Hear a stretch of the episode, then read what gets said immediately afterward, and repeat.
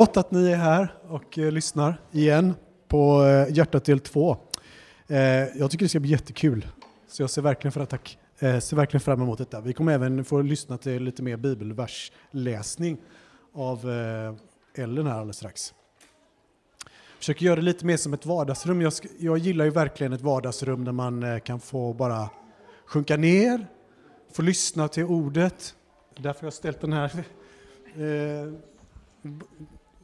fåtöljen där för det ska kännas lite så hemma. Får se om jag sätter mig där sen, om jag vågar.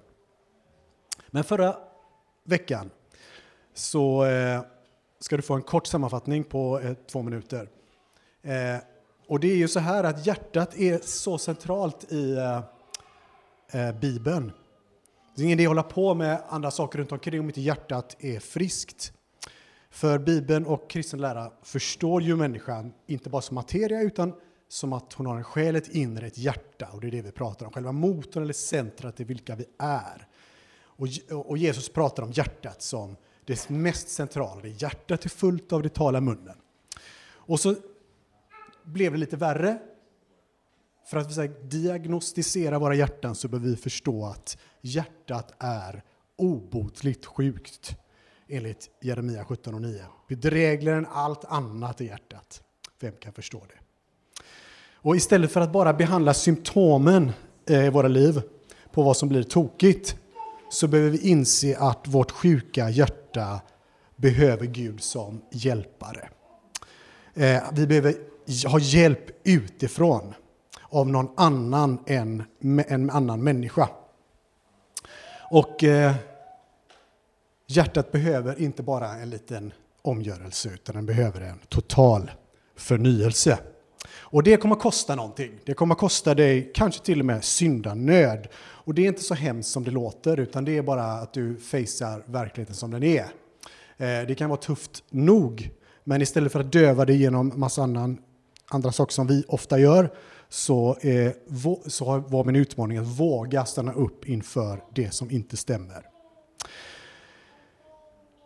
Så Gud behöver rädda vårt hjärta. Han, vi behöver ett fokus, vi behöver ett singulärt hjärta som riktar sig mot honom när vi behöver hjälp. Så, det var första delen. Annars kan du lyssna på den, tror jag finns på podd. Eh, om du ställer dig frågan som jag gjorde till mig själv när jag förberedde då första delen, var det så här, ja men hur bevarar man nu då sitt hjärta enligt eh, eh Ordspråkens vers som vi nyss lyssnade på. Hur bevarar man sitt hjärta som en lärjunge? Och då har jag tre stycken, surprise, eh, punkter. Vi kanske inte kommer till en tredje, så om du tänker dig att det här blir för långrandigt så är det lugnt, för jag kanske inte hinner dit. Då får vi ta en del tre eh, med hjärtat. Det blir väl kul framöver, eller jag hoppas det. Eh, men vi kanske hinner i alla fall de två första. Och den första punkten är omvänd dig som David. Och då ska vi få lyssna på dig, Ellen, när du läser Saltaren 51. Nu har Pierre sagt att jag ska sitta här för att det ska bli ett vardagsrum. Så nu får ni höra här. Okej. Saltaren 51. För sångmästaren en psalm av David, när profeten Natan kom till honom sedan han hade gått till Batseba. Gud, var mig nådig enligt din godhet. Utplåna mina överträdelser enligt din stora barmhärtighet. Två mig ren från min missgärning och rena mig från min synd. Ty jag känner mina överträdelser och min synd är alltid inför mig. Det är mot dig jag har syndat och gjort det som är ont i dina ögon. Du är rättfärdig när du talar. Du är ren när du dömer. Se, i synd är jag född och i synd blev jag till i min moders liv. Du vill ju ha sanning i mitt innersta. Lär mig då vishet i mitt hjärtas djup. Rena mig med isop så att jag blir ren. Två mig så jag blir vitare än snö. Låt mig få höra fröjd och glädje. Låt de ben som du har krossat få jubla. Vänd bort ditt ansikte från mina synder och utplåna alla mina missgärningar. Skapa i mig, Gud, ett rent hjärta och ge mig på nytt en frimodig ande.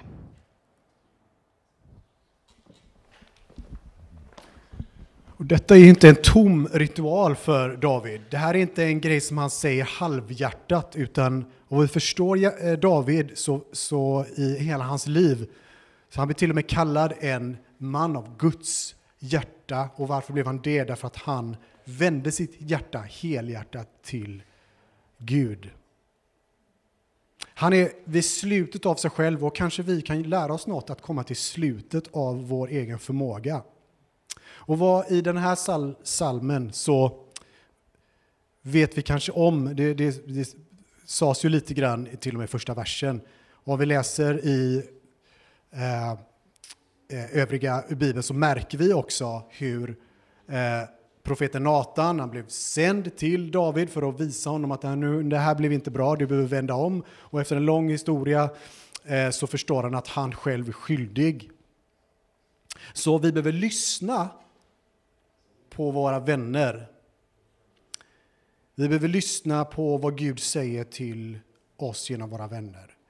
Och när vi hör det, när vi är öppna med våra liv till våra närmsta vänner, så kanske de har ett och annat att säga som skulle kunna ibland vara av Gud sänt.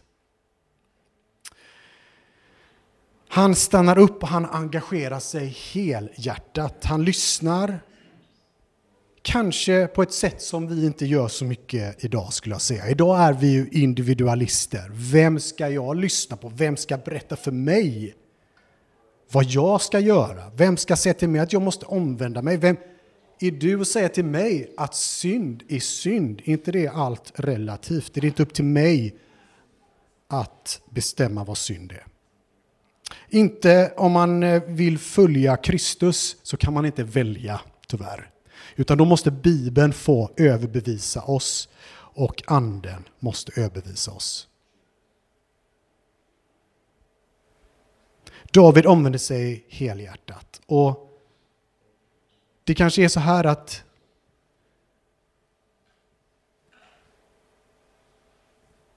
Någonting som gällde, du kanske tänker så här, någonting, det gällde ju då. Det var ju ändå så att det här med synd och så, det tillhör ju en annan tid. Idag kanske det ändå inte är så noga för mig. Vi är ändå upplysta med vetenskap och vi har ändå kommit rätt långt. Hur ska vi kunna förhålla oss till etik och moralregler som skrevs för flera tusen år sedan? Och här verkar David inte ställa de frågorna. Och kanske att du ska få, du får gärna brottas med de frågorna som jag sa just. Men när du har brottats färdigt med dem så kanske du kan säga som David gjorde.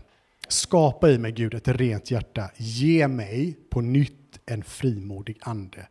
Ett nytt hjärta måste tas emot av Gud själv. För som jag sa i första delen, det är värre ställt med våra hjärtan än vad vi anar. Det hjälper inte att vi skärper oss lite eller gör ett självförbättringsprogram, vi behöver hjälp utifrån. Men räknar vi med att Gud på ett övernaturligt sätt kan förändra vårt innersta, våra motiv till och med, våra, vår inställning, hur vi agerar mot andra. Ja, som sagt, det här är inte en det är inte tal om något mindre än en total förnyelse eller total återställelse av ditt inre och hjärtat. Det är det som Gud kallar oss till först. Inte först att fixa våra beteenden utan först säga det här går ju inte Gud, jag kommer inte längre. Jag kan inte längre försöka för att alla mina försök blir alltid samma ändå, samma utgång. För Gud är mest, tänker jag, och jag tror att Bibeln säger så, mest intresserad av att återställa vår, våra hjärtan. För det är ett sätt för honom, tror jag, att återställa världen till det som en gång var. I Eden levde vi helt utan synd och så är människan skapt att leva. Och nu lever vi i en verklighet där vi accepterar synden, det nya normala.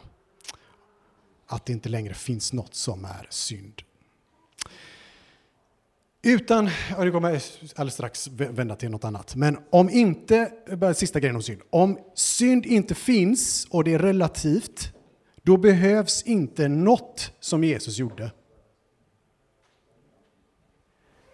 Korset och uppståndelsen behövs inte om inte du och jag har behov av synda nöd och förlåtelse och upprättelse.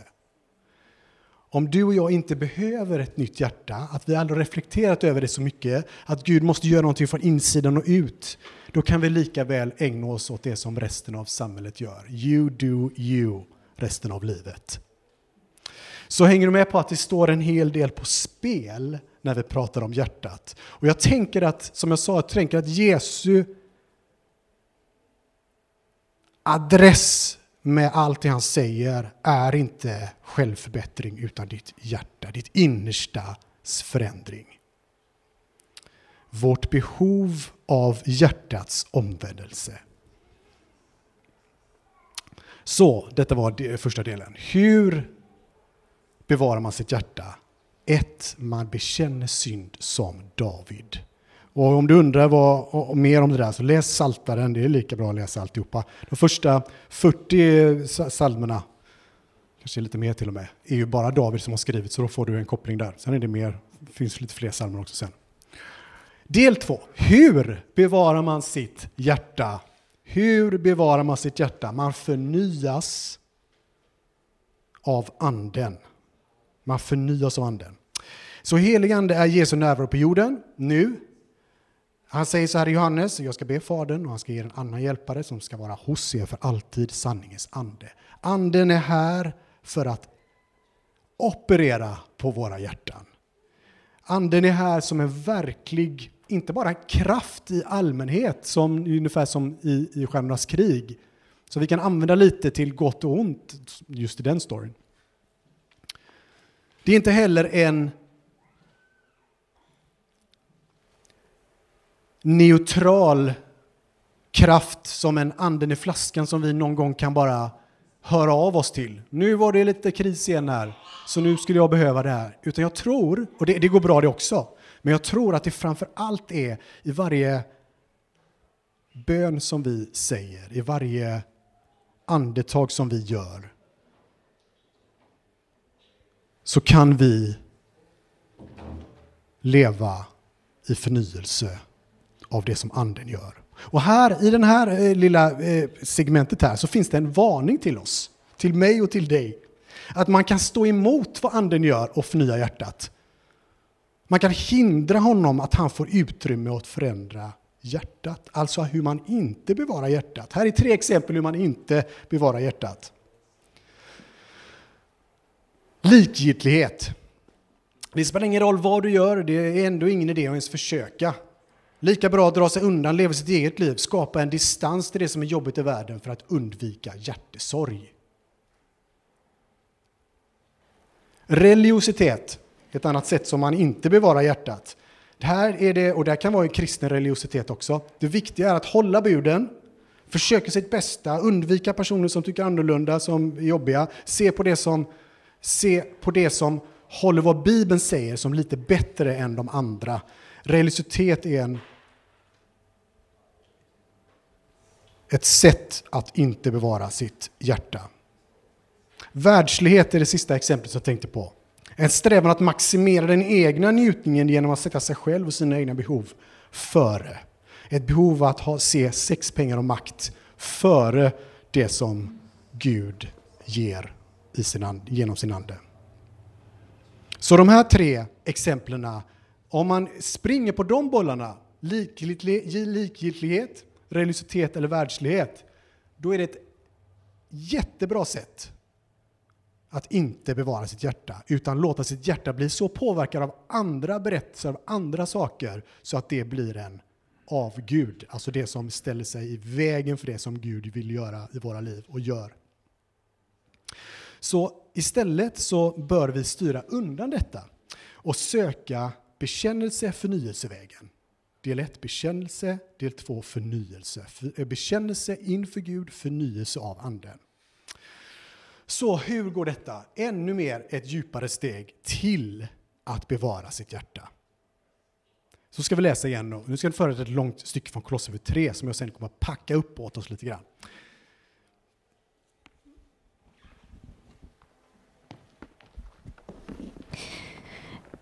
Då ni alltså har uppstått med Kristus, sök då det som är där ovan, där Kristus sitter på, på Guds högra sida.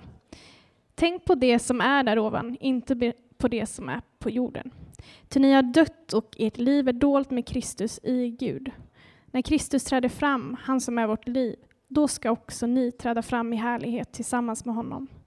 Döda därför era begär som hör jorden till, otukt, orenhet, lidelse, lusta och girighet som är avgudadyrkan. Allt sådant nedkallar Guds vrede över olydnadens barn. Bland dem vandrar också ni en gång, då ni levde i dessa synder. Men nu ska också ni lägga bort allt detta, vrede, häftighet, ondska. Låt inte smädelser och fräckheter komma över era läppar. Ljug inte på varandra.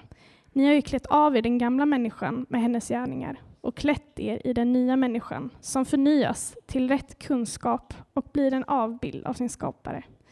Här är det inte längre fråga om grek eller jude, omskuren eller oomskuren, barbar eller skyt, slav eller fri, utan Kristus är allt och i alla.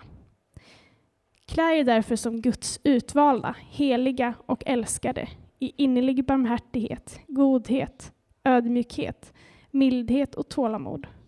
Ha fördrag med varandra och förlåt varandra om någon har gjort något att förebrå en annan. Så som Herren har förlåtit er ska ni förlåta varandra. Över allt detta ska ni klä er i kärleken som binder samman till en fullkomlig enhet. Låt Kristi frid regera i era hjärtan, den frid som ni blev kallade till i en enda kropp och var tacksamma. Låt Kristi ord rikligt bo i er med all sin vishet och undervisa och förmana varandra med salmer, hymner och andliga sånger och sjung med tacksamhet Guds lov i era hjärtan. Och allt vad ni gör i ord eller handling, gör det i Herren Jesu namn och tacka Gud, Fadern, genom honom. Tack. Så, här kommer lite eh, vishet från den här texten. Sök Kristus, vad som är hans vilja för mig i den säsongen som du befinner dig i ditt liv just nu. Det är alltså för att vi ska bevara vårt hjärta. Tänk på det som är evigt Alltså det som är i Guds rike, det som har evigt värde som exempelvis relationer. Sätt dem först. Döda till och med, eller lägg bort den gamla människan driv genom att springa bort från det som drar ner. Sätt kanske ett filter på din dator, avinstallera en destruktiv streamingtjänst eller liknande. Hjälp dig själv genom att låta dig förnyas Tänk på att allt, att alla är samma inför Gud. Alla, ingen är för mer, ingen är bättre, ingen elit, ingen kan stoltsera med extra helighet. Hur vi ska bevara vårt hjärta är genom att älska den som inte förtjänar det. Utan att mäta, vara god mot alla, inte ta cred för allting. När någon är hård mot dig är du mild tillbaka, svarande i lugn och ro, lågaffektivt och har förlåtelse redo på dina läppar, på din tunga. För du vet ju om att du gör lika mycket fel som den personen som du måste förlåta.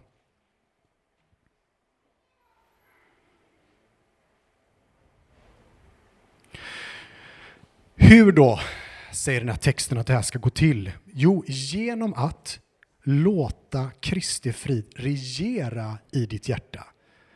Låta Kristi frid regera i, ditt hjärta. Fråga Gud om den friden så att den kommer dig till del. Har du inte lugn och ro genom livet så fråga Gud, jag behöver din frid i mitt hjärta. Du bevarar ditt hjärta i den här texten genom att förbli en icke orolig närvaro mitt i en orolig omvärld.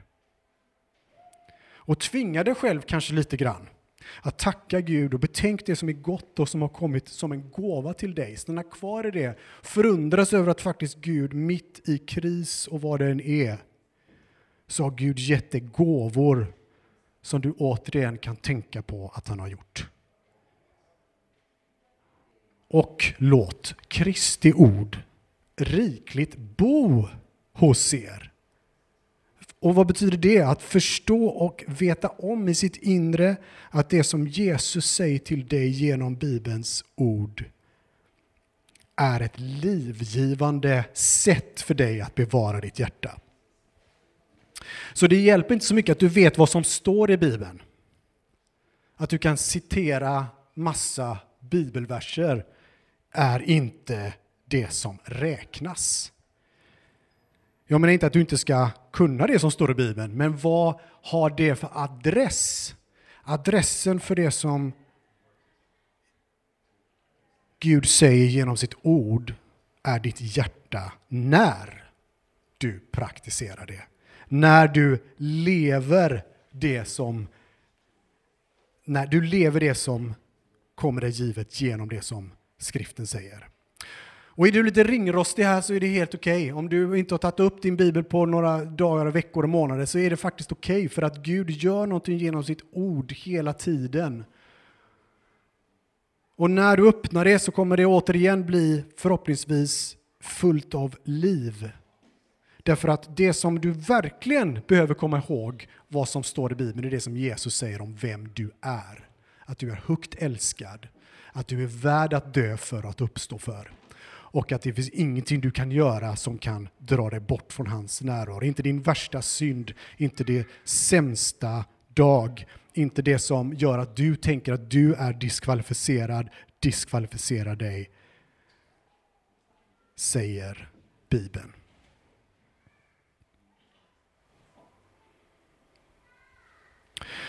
Undervisa och förmana varandra med psalmer, hymner och andliga sånger. Undervisa och förmana varandra. Prata med varandra i den gemenskap som är kyrkan. Säg till varandra, det här gjorde du sådär. Kanske behöver du omvända dig från den där utekvällen som gick överstyr. Eller vad det nu är för någonting.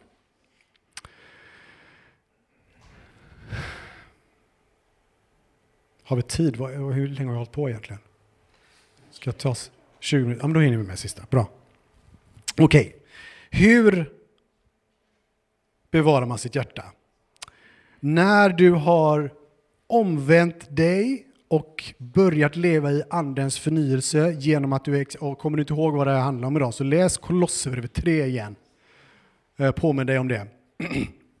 När du i ditt, ditt svaga läge tar emot av andens förnyelse som är på riktigt i en orolig, alltså det är inte så här, ja men nu ska vi se, nu ska jag ta till lite biblisk teori.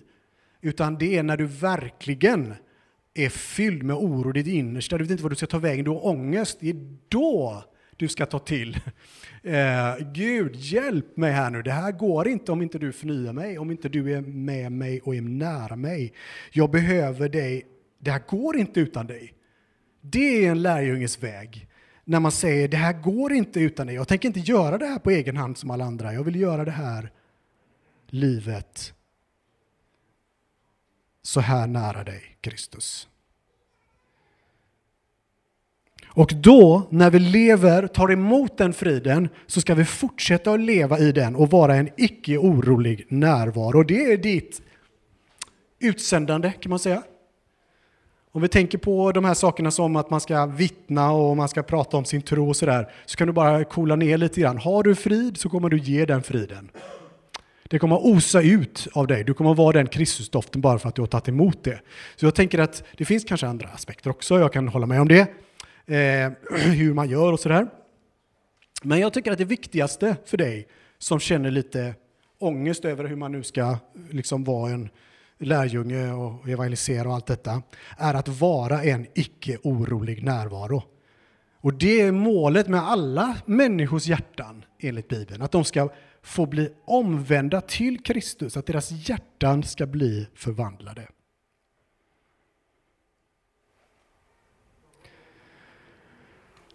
Och det här sker på automatik. Och det är det som är så skönt med Gud, att det, saker sker på automatik. Han kommer ju lägga fram människor till dig som du pratar med. Och när du inte är orolig så är du så annorlunda än vad resten av samhället är, som är orolig för allting. Nej, inte alla, men oftast är det så. I min erfarenhet. Och det är det som vi skulle kunna få bli utsända som. En icke orolig närvaro om ditt hjärta är fullt av den friden Och du tar av det frids förrådet och ger till andra av automatik.